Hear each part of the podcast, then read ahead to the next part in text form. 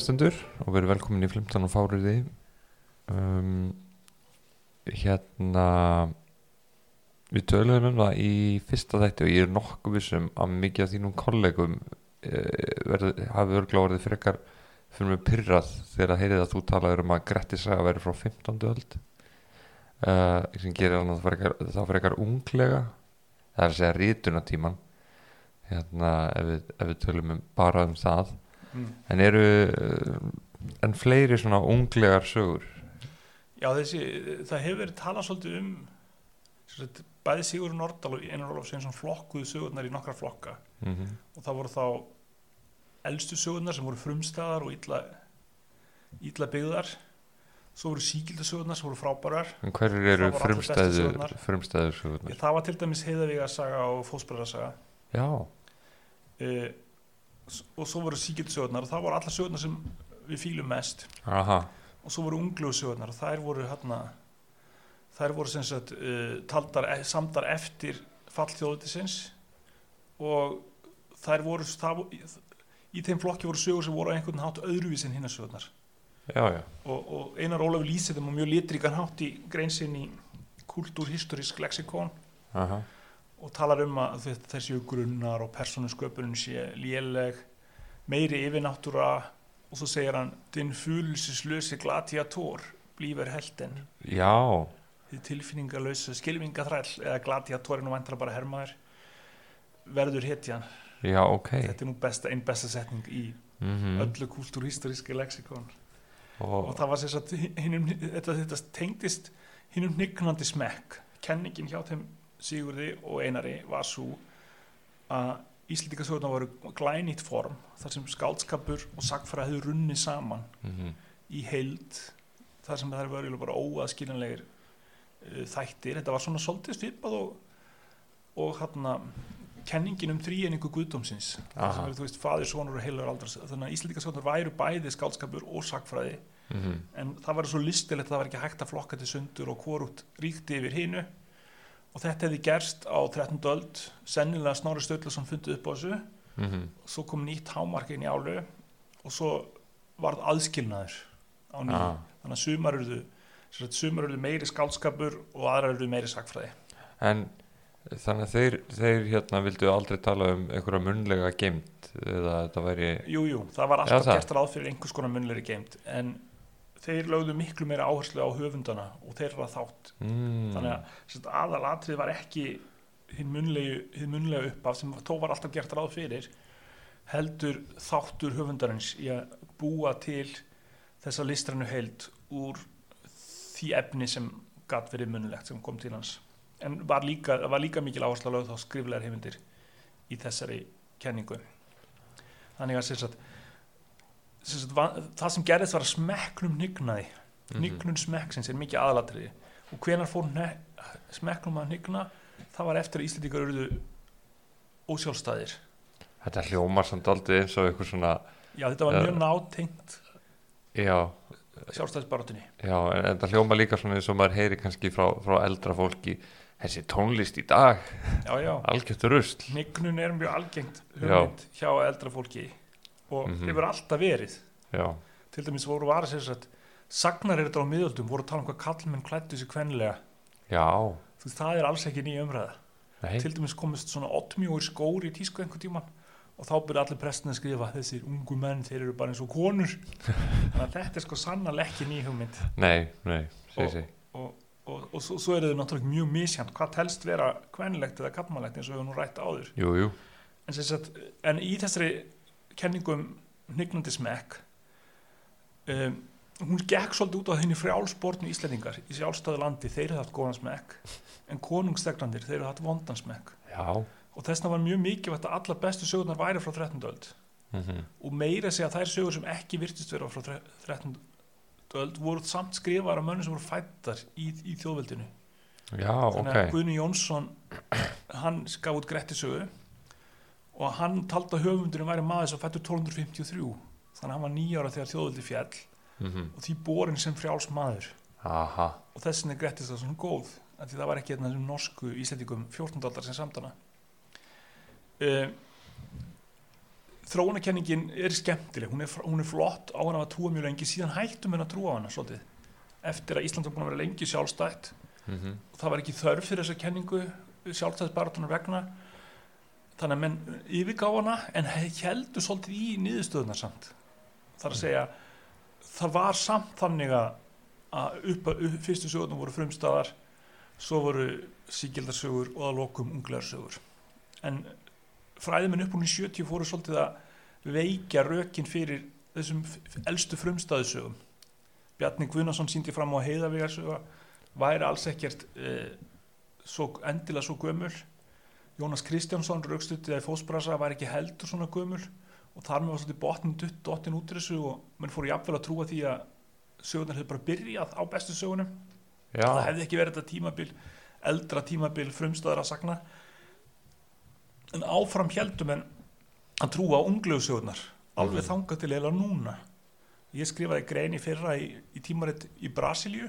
Já, af hverju í Brasilíu? Brasilíu? Í Brasilíu er bara risavaksin hópur lesanda sem er mjög mikið áhuga já, og þetta er að koma á daginn. Og Ítalía er annar land sem fortsögurnar njóta mikillar hilli án þess að Íslandikar vitið þetta heldur hann hérna fórsendi Brasilíu, heldur hann lesi tímaritið? Að ég er nú ekki viss um það. Nei, og ég er ekki heldur sem við viljum það endilega. Nei, ég tvöld ekki. En hann sá dólgur já, hann myndi kannski taka svona þessar Hann menn hann- fyrirmyndar. Ég held að hann sé á önnum gamið að riðja Amazon skóana já, til mögulega að hafa tíma til að lesa íslendinga sögurnar já, en eða sem sagt reyna að næla sér í COVID veruna sem já, hann er vist búin að fá. Já, var það, já, hann lifði af Já. sko til. Já, já. en sem sagt um, í þessari grein, ég skrifa hana með manni sem heitir Jóaf Tíros og var einu sinni nefndi minn frá Já. Ísrael. Og hefur rannsakað mikið finnbúasögu ramma sem er mikilvæg saga vegna þess að hún er eina þessum sögum sem er talin ung. Já, en er í raun og veru varðveitt mjög snemma í eina af elstu íslendingasagna höndriturum, Möðruvallabók og nýðastan sem við komumst að er að, að það sé engin skýr fagufræðilegu munur á ungu sögunum og gömlu sögunum. Og að aldurs ákverðanindar sé í mörgum tilvikum mjög veikar. Þar að segja þær eru byggðar svo sterkri forsendu. Þar að segja þróunarkenningin hefur svo mikil áhrif á þessa hugmynd að þegar henn er kift burtu þá eru rökin fyrir því að sumarsögur séu gamlar og sumar ungar alls ekki sterk og þetta gildir til dæmis um Grettisögu sem ég þegar hann talaði um og Kíslasögus Hússonar Hrafnkjölsögu Freyskoða mm Hænsnaþórisögu þessar sögur hafa alla verið talda frá 13. eða öld og Grettisaga kannski frá upphafi 14. aldar mm. en það gæti allir verið yngri það er ekkert sem Mm. bendir til að séu samtal á 13. öld eða mjög fátt finnst mér rökin er alls ekki góð þau eru huglag þessar sögur allar varveitar í ungum handritum uh, ég held að mætti raukstið að Gíslasaga væri frá 14. öld eða jafnvel svona lók 14. aldar Grettisaga og Hrafngersaga frá 15. öld Hrafngersaga er bara til í ungum handritum og hún er mjög mikið öðruvísi en sögur eins og Njála og Lagstala og Eirbyggja til dæmis er ekkert mikið af ættartölum eða lýsingum hún er í raun og veru eins og dæmisaga þannig að hún passar alls ekkert vel við Íslandingasagna fagafræðina nei en hún er góð, mm. hún er vinsala fræðimenn hún þykir góð og þar alveg getur hún ekki verið frá 15. öld það er svolítið þannig sem menn hugsa um þetta mm. og um, þannig að þetta er, er sagt til slatt af sögum sem líta út eins og síkildarsögur og hafa þetta síkilda maður, maður skinjar það sem síkildar en eru kannski ungar vegna þess að í raun og veru hefur þessi flokkun í síkild og unglegt ekkert vægi og þetta er nú bara eins og um, já, hinn, ef þú kannast við Adagio eftir Albinoni mikið leiki við það? Þegar fólk er borið út. Ég hef mætti svo fáar jarðarfæðir þetta var líka leikið í Platoon. Var, nei, nei, nei, þetta var leikið í einhver annar mynd. Já, ok. En allavega ad, þessi Adagio eftir Albinoni er eitt frægasta barokkverk nútímanns mm nema það að það er sennilega samið um miðja 20-stöld já, manni sem heitir Remo Girotti ef ég mann rétt. Já, segi, segi og hann taldi sig hafa fundið þetta hann saðist hafa fundið þetta gamla já, lag en, en sönnunagöggun er ekki til um að þetta sé hann er gamalt. Nei, en þetta, þetta er fullkomlega eins og barokkverk þú veist þegar maður heyrir já, það þá hugsa maður barokkverk þú veist hinn síkilda yfirbráð er svo sannlega til mhm. fyrir hendi en verkið er samt ef til við frá 20 stöld já, skemmtilegt. Og, og þetta getur átt við um Grettisögu, Gíslasögu og Rafgjörsögu líka. Að Mhm. þetta sé bara síkild yfirbræð og reyndar er það nú ekki alveg þannig vegna að allar sögurnar eru pílmyndi skrítnar en það eru bara skrítnar á góðan hátt. Já, einmitt. Og á móti hafa menn telt þessum unglögu sögum. Og þær eru þær þykja vondar, þær eru, þær eru taldar vera frákvarf frá uh, hinnum síkilda uh, hinnum síkildu fagfræði. Og Mhm. þær eru það, þær eru flestar öðruvís en Njála og Lagstala og Eilsa en sagt en það, það þýr ekkert þessi ungar Fimbósa til dæmis er sennilega gömur, hún er til í gömlu handriti og, og hún er af sannarlega öðruvísi en svo fagfræði gæti bara verið miklu eldri en menn heldur Mhm. og eins sem er Bárðarsög, hún er sannarlega frá 14. öld og hún er skrítin en hún er ekki endilega skrítin á þann hátt sem menn töldu ég til mér sem raukst að hún sé mjög sagfræðileg en, en er en fólk þó ekki ofta endilega trúverðu trúverðu og sagfræðilegt er nefnilega ekki endilega það sama. En er þá fólk ofta miða við eða það sem, það sem þeir gerðu þá að, að hérna en þá að miða við einhverja fagurfræði uh, svona klassísku sagnana já, þess að ég held að fagfræði hun- hugmyndin sé búin til í kringum best þekktu bestu, bestu og bestu sögurnar. Já, og síðan eru öll frávik skilin sem dæmum að þessi unglegar og, og, og líka í til ljósa 14. öldin sé almennt nigruna skeið mm sem ekkert bendi til hún hafa verið þú veist, 14. öldin var sennilega blómaskeið á Íslandi að mörguleiti og meðan 15. öldin var auðvitað einhver leiti nigruna skeið vegna þess að þar, þá kom þessar pestir og léku landi grátt og, og það var alls konar uh, samfélagslegt rót já, en auðvitað tengd það því að í sjálfstæði var Íslandingum mikilvægt mm og þessna var búin til þessi kenningum að með missi sjálfstæðsins hefðu öllu farið niglandi en þetta er náttúrulega ekki nöðsynlegt lengur fyrir okkur að trúa þessu. Nei, og, nei. og ég held að þetta sé nú bara því miður bara ekki satt. Uh, og þar mér ekki segja að þetta verið ekki góðu fræðmenn sem heldur þessu fram. Þeir voru mörguleiti snillingar. Og, og en, en sem sagt meðal unglöðu sagnana eru sögur eins og Bárðarsaga það sem eru koma tröllu sögu kjálnisingarsaga og, og þá er hugmyndin svolítið ef það er tröll þá er það Aha, ungleg. Já, ok en nú hef ég rannsakað mikið yfirnáttúru í fortsögum og mm Mhm. yfirnáttúran hún er með frá upphafi. Mm mm. Egilsaga er sannarlega gömul. Mm. Egil er komin að berserkjum. Já, einmitt. Egil fremur rúnagaldur mm. hann drottningir sem Egil á í deilum við breytir sér í svölu til að geta trubla hann. Já, einmitt. Hér vantar sko ekki yfirnáttúrulega þema. Og hvernig er þetta með njálu? Ég muni þar sjá með gandreið. Mm það kemur blóðregn. Einn ein persónan sé djöfla helvítis reyna að draga sig niður. Mm. Meina, þannig að það er engin skortur yfir náttúrulega þar heldur. Nei, einmitt. Meðan lagstalasögu Guðrún Óstíðsdóttir hittir draug í kirkjugarðinu já, og sonur hrút sér drepin á galdramennum þannig að heldur þetta hafi verið bara frekar kannski persónlegu smekkur? Þetta snýst ekki nefnilega ekki um magn yfir náttúru nei, heldur frekar hvernig hún er framreitt framreitt í sumum eldri sögunum eða þar að segja, sem er ekki endilega eldri en voru taldar eldri þar er kannski aðeins dýpri persónusköpun og maður fara aðeins betri tilfinningu fyrir óhugnaðinum. Mm. þar að segja það að yfirnáttúrun sé framandi og meðan í sumum sögunum sem voru sagðar unglegar þá er svona hún meira svo sjálfstæður hlutur. Mm. þetta er ekki aldursgreiningar enginni finnst mér, þetta getur bara verið einfallega spurningum ólíka höfunda með ólíkan smekk.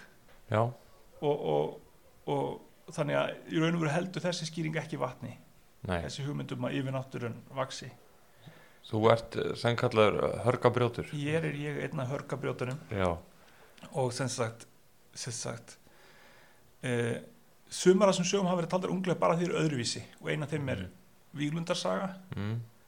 sem er einhvers konar rómansa. Þar sé henni líkur á þremur brúðköpum bara eins og sögum Jane Austen. Já, og meðan Íslandingasögum líkur ekki þannig. Þeim líkur þannig að, að þú veist, hetjan deyr og svo er henni hemt og svo er henni hemt og svo geng, fer einhvern í rómar í lokinu já Gengur í já. þannig að það er alls konar, Mhm. alls konar uh, venjur sem Víglundarsaga brýtur gegn Mhm. þá hafa menn sagt hún lítur nú vera ungleg og, og sennilega er hún nú það mm. en aðal er hún bara öðruvísi þetta er bara allt önnur tegundarsögu eina ástæðan fyrir að menn hafa flokkana sem Íslandikasögu er að hún gerist á Íslandi á, á uh, sama tíma og hinarsögurnar en að öðru leiti er hún ekkert lík þannig að hún er miklu líkari fortandarsögum eða rittarasögum á margan hátt. Þannig að menn hafa bara notað litið svo á að úr því hún sé öðruvísi þá sé hún yngri. Já, en getur, en, en síðan fyrir maður velta fyrir sér sko að, hérna, að þessar öðruvísi sögur hafi einfallega bara verið skrifaðar fyrir öðruvísi áheyrendur eða, eða varðveittar fyrir öðruvísi áheyrendur eða sagðar. já, og ef til dæmis var þessi bókmynd að greina vitund ekki mjög sterk í fólki Nei, og fólk var ekkit endilega hugsa um þetta sem íslendingasögur nei. það hefði bara Nei, mikið áhuga á fortíðinni Mm og ymmit fortíðinni sem var millir 970 og 1030 og það var þetta, þetta sviðsiti alls konar sögur þar -hmm. bæði svona ættarsögur eins og Lagstælu og Vastælu og Eirbyggju Mhm. en líka rómansur eins og, eins og, eins og hérna, Víglundarsögu. Menn það er nú hitt ólíklegt að það verið haldið þrefald brúðkaup eitthvað tíman á þessu tímabili. Jú, jú, Ja. já ég meina þrjafald brúðköp eru hluti af ákveðin í bókmyndahefð og það var svolítið spartnaður en það var líka reiknað svolítið með að rómantíska áhrif rittarsagna áhrif kæmu enn seint. Mm -hmm. eftir að Íslandika sjóðna voru væri búin á fullum þroska. Þanga til Bjarni Einarsson fór að gera því skóna það væru rómantísk áhrif líka í elstu sögunum og þá var hann aðalega að hugsa um Kormáksögu og Hallfræðasögu. Og mér finnst eðlilegt að við gerum ráð fyrir að rittarsagna áhrif, rómansur áhrif hafi verið til, staða frá upphafi íslenskra sagnarheitunar Já, og uh, við, við þurfum að tala einhvern veginn setna um Hjartina bók elstu. Já, hún er nú bara frá 1199 einmitt. og þar er orð, kemur orðið kurteisi fyrir Já.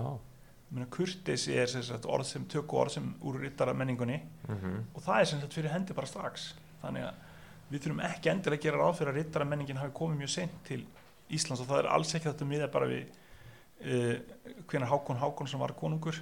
Hann léti auðvitað þýða mikið að rittarasögum -hmm. en það þýðir ekki að það veri engin rittarasagna áhrif fyrir og svo gæti þetta verið að Íslandíkusögnar væru bara ekkert skrifaðar fyrir en Hákon Hákonsson var konungur. Nei, það er sjálfur sér ekkert engin knýjandi rauk til að halda það. Eina af þessum sögur sem er öðruvísi og ég hef kannski ekki minnst á er Krókarefsaga það er uppáhaldsagan mín. já, Hef ég sagt Jú, bara, ég minnst já, ég myndist það þetta í síðastu, síðustu sirpu. já, og hún er skemmtilega öðruvísi. Já, gerist mikið á Grænlandi. Uh, Krókarefur líka svona svona uppfinningamæður Já, þetta er svona home alone atriði þarna Já, já, í já. svona á Grænlandi. býr til einhvern vélabúna svo er hérna hlutaðinni svona eins og Íslendinga þáttur þar sem hann kemst í námunda við Harald Harðráða sem er nú kannski hinn dæmi gerði kongur úr Íslendinga þáttunum Mm þannig að við getum kallað þetta konungasagna áhrif af því að Íslendinga þættirnir eins og ég hef áður nefnt eru í konungasögum. -hmm. og svo er þetta freistandi að velta fyrir sér hvort hér séu líka áhrif frá erlendri bókundagrein eins og í Víglundarsögu sem er Víglundarsaga undir áhrifum frá ástarsögum frá Fraklandi eða Breitlandi eða, eða hvar, hvaðan sem er mm Þ- það er líka til alþjóðleg bókundagrein sem er svona refasögur. Já, og þú veist þá er það er Reinart, refurinn og þetta var mjög vinsalt ég hef því miður ekki kannað þessar sögur mjög vel. Nei, og það vantar ennþá að einhver gerir rækilega rannsókn á þessum 14. aldar repasögum mm og berið saman við Krókarefsögu en hann heitir auðvitað refur. Hann heitir Refur. og hann er slægur Já, þetta er mjög, þetta er svo skemmtilegt nafn. Já. Ég, ég get sagt þér það að ég stakk oft upp á þessu nafni þegar að uh, kona mín var ólétt já, í, uh, og náður þau ekki gegn nei, nei, nei, nei. Það, ég, það þarf að endur ekki nafni refur Já, mér finnst þetta frábært. Ég meina Já. það má heita Úlfur, því ekki Já. Refur. ég, refurinn er slægur og hann er snjall Já, nákvæmlega. þú manst nú til dæmis um Esops Jú, jú. þessi refurinn sleppur alltaf og því hann veit nákvæmlega hvað hann á að segja Mm en sem sagt, en sem sagt og, og þessi, og Krókarefur er svo sannarlega mjög snjall. hann er, hann er nefnilega slægveitur og snjall Það er uppáhaldsatriðið mitt í, í sem sé sögunni er þegar, þegar hann er, er búin að byggja virki já, á Grænlandi já, já. og óvinnir hans ætla að bera eld að virkinu Já. en þá opnast alltaf einhverju hlerar sem hleypa vatni út og ég, slökkva Efinn eldin Jáll hefði nú haft vit á þessu ég segi það og en að lokum þá komast þér að þessum vélbúnaði já, já, og uh, hérna skemman Já, já. en þá er hann með annan búnað já, já, að þegar að þeir ætla sem sé að kveikja í og eru, eru búinir að kveikja í virkinu þá Já. brotnar virkið niður og út uh, siglir risa skip já, já, og kremur óvinni hans já, já. ég meina James Bond mynd, þetta geta alveg passað í James Bond. Já, algjörlega, Mér, þetta, veist, ég hugsaði bara um, er- um Home Alone þetta er hérna. tækniblæti Já, sem maður á ekki endur að von á í 14. aldarsögu nei, alls ekki. mikið enginn á nútímanum. Krókaref sagði líka svona einhvers svona kolbítasaga mm og það var nú eina ástæð fyrir menn töldu að hann var í ungleg.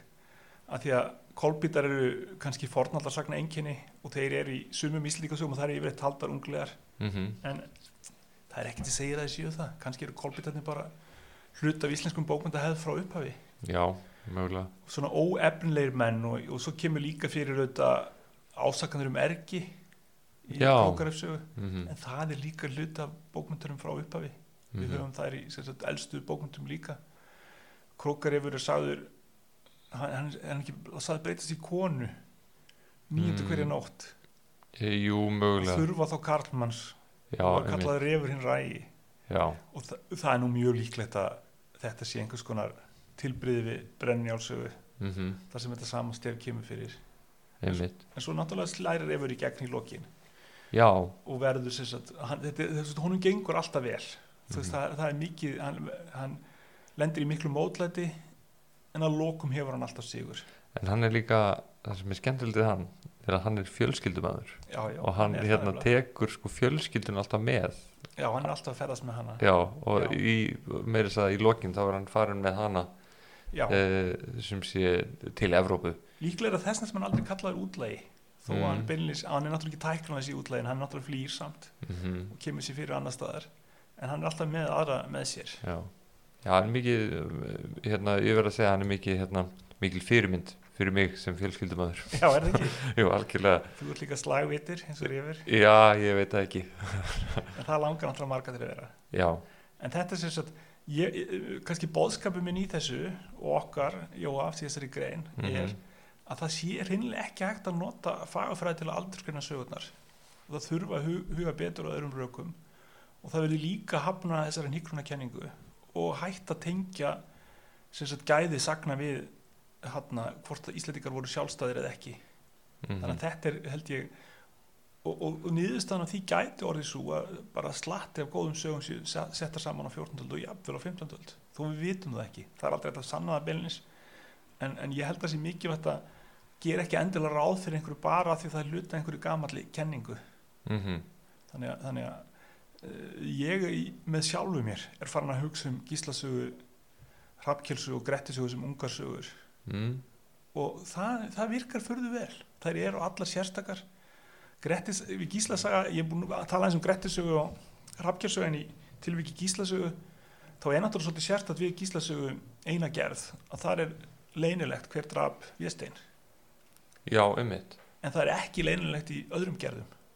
Nei, og það er ekki heldur neitt leyndardómur í Eirbyggju það sem er byrjulega sagt hver dreipur Véstein mhm, og þá er skemmtilegt og þetta er náttúrulega bara hugdetta frekar en kenning þá er skemmtilegt að ímynda sér að menn hafi ekki haft neitt smekk fyrir svona leinrætlusögum á Já. 13. öld þegar Eirbyggja samin og ekki heldur á e, sín mjög seint á miðöldum eða enn setna þegar yngri gerð gíslasögur samin en þegar eldri gerð gíslasögur svo sem það sem er til leinulegt það sé samin kannski undir lók 14. aldar þá séu menn með smekk fyrir glæpa sagna mótífinu og þá detti einum höfund í hug að hugsa hvað hefur höfund ekki bara leinulegt og auðvitað gæti þetta náttúrulega líka hafa auðvitað gætu líka tveir mismunandi höfundar á sama tíma haft Mhm. ólíkan smekka þessu efni jú, jú en þetta er jafnvel ennþá skemmtilegra ef við gerum ráð fyrir að sagja hans í að þá kannski líklega hann komist upp með það já, þannig að, þannig að, þannig að